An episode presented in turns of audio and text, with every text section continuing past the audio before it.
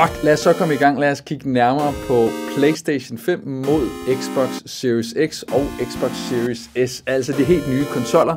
Det er selvfølgelig den kommende konsolkrig, vi kigger nærmere på. Det her det er AV-eksperten. Jeg er dagens ekspert, jeg hedder David Gulland, og jeg vil grave mig ned i de forskellige tech-elementer. Hvis vi kigger lidt nærmere på konsolkrigen, jamen, så lad os bare sige, at det er syv år siden, at vi sidst havde en på markedet.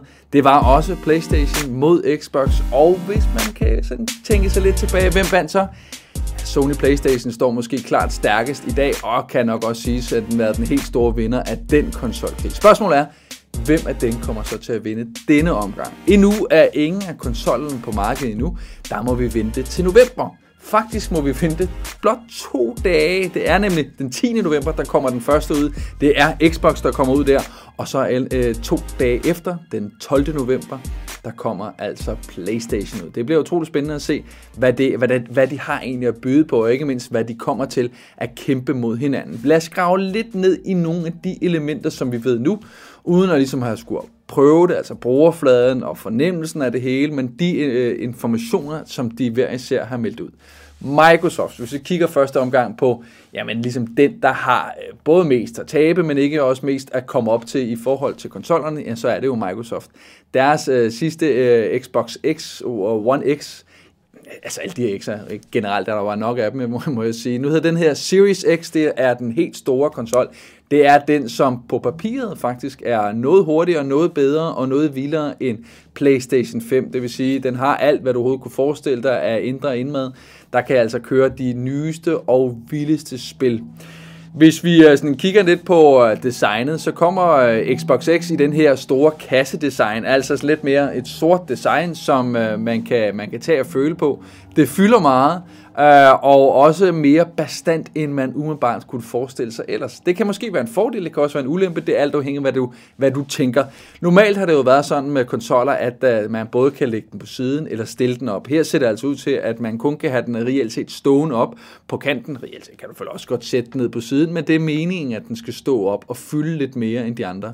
Sort øh, kantet. Øh, der er en fin øh, blæser oppe i toppen. Der er i hvert fald, øh, hvad vi har brug for, en controller, som vi umiddelbart også kender. Der er ikke i hvert fald endnu meldt det helt store ud i forhold til selve controlleren, at den skulle være anderledes.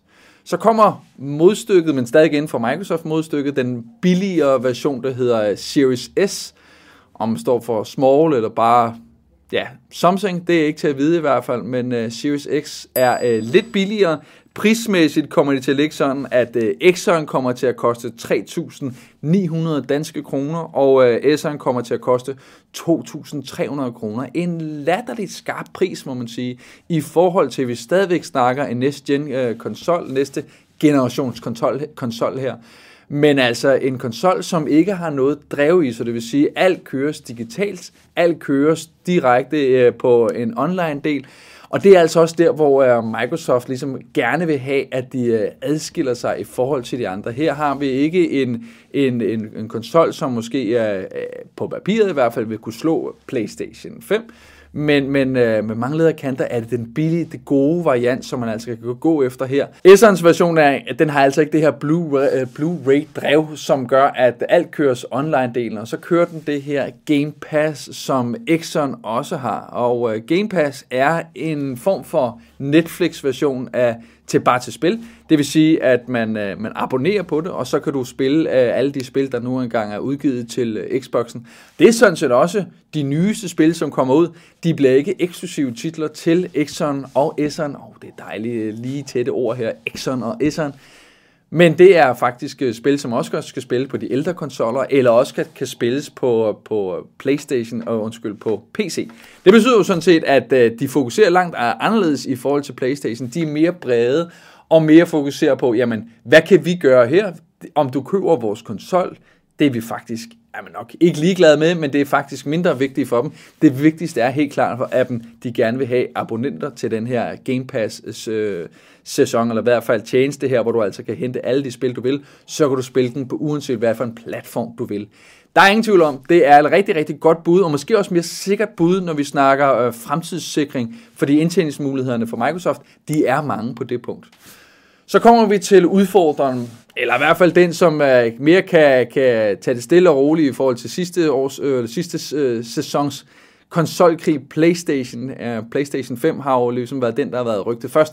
Og øh, faktisk også været den, der så til sidst meldt ud, hvad er prismæsserne på det. Noget tyder på, at det ligger nogenlunde det samme, altså det er omkring 3.900 kroner for den vilde version, den der har det hele, og som altså er virkelig next gen. Og øh, så lidt dyrere end de altså 2.300, som jeg sagde, S'eren kostede fra Microsoft. Det vil sige, øh, bud er måske øh, 2500, øh, 2900 kroner. Vi ved det ikke helt præcist endnu, men det samme princip her, altså en, der har det fulde, alt hvad du ligesom ønsker af det ene eller det andet ind med, og, og også drevet til øh, Blu-ray, og så en version, som ikke har noget, som bliver rent online, rent digital version og øh, som bliver klart øh, billigere her. Her har vi jo så et design, som øh, hvis vi bare lige kigger lidt nærmere på det, er langt mere futuristisk end, øh, end Xbox. Der har vi de, igen de bløde former, og øh, PlayStation her har virkelig fokuseret på, at det er øh, sort og hvidt, vi har med at gøre her, hvor de før havde, jamen, øh, for eksempel ved PlayStation 4, der havde man ligesom det her markante design, der var på den, og, og så har de kørt videre her. Sort og hvidt, det kører både på konsollen, men det kører ikke mindst også på controlleren her. Øh, hvis vi kommer tilbage til den lige om lidt, så lad os bare lige vinde øh, selve konsoldelen her. Igen, den kan både stå vertikalt, den kan også ligge horisontalt, så den passer ligesom rundt omkring i, i stuen. Den er relativt stor, lad os bare sige det så meget, i forhold til øh, de tidligere konsoller, så kommer den altså til at fylde en hel del derude. Øh, men det, det bliver spændende at se, hvad den har så af muligheder der. Hvis vi så graver os lidt ned i de features, de kommer med, jamen altså for det første er den her selve controlleren, den har de faktisk ikke meldt særlig meget ud på endnu, andet end den her, der har det her haptiske feedback. Det betyder, at den kommer til at få en langt mere øh, sådan en indlevelsesevne i spillene.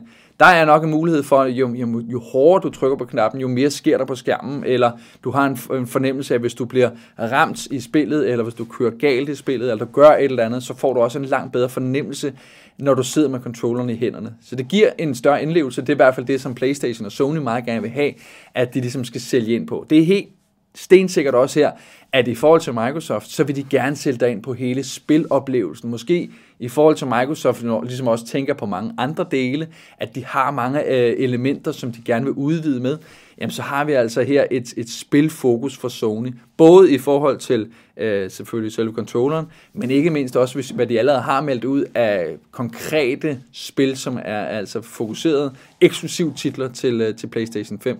Der er der ingen tvivl om, det er det, de ligesom har, har gået efter. De gik jo også efter tidligere motto, der hedder det For the Players. Og det er det, de fortsætter med videre. Det er ikke til at vide i hvert fald. Men vi har to sige, øh, hvad hedder det nu, lejer her. Et, der decideret fokuserer på, på spilleren og spiloplevelsen, og Microsoft, som, så, måske mere fokuserer på lidt mere bredt.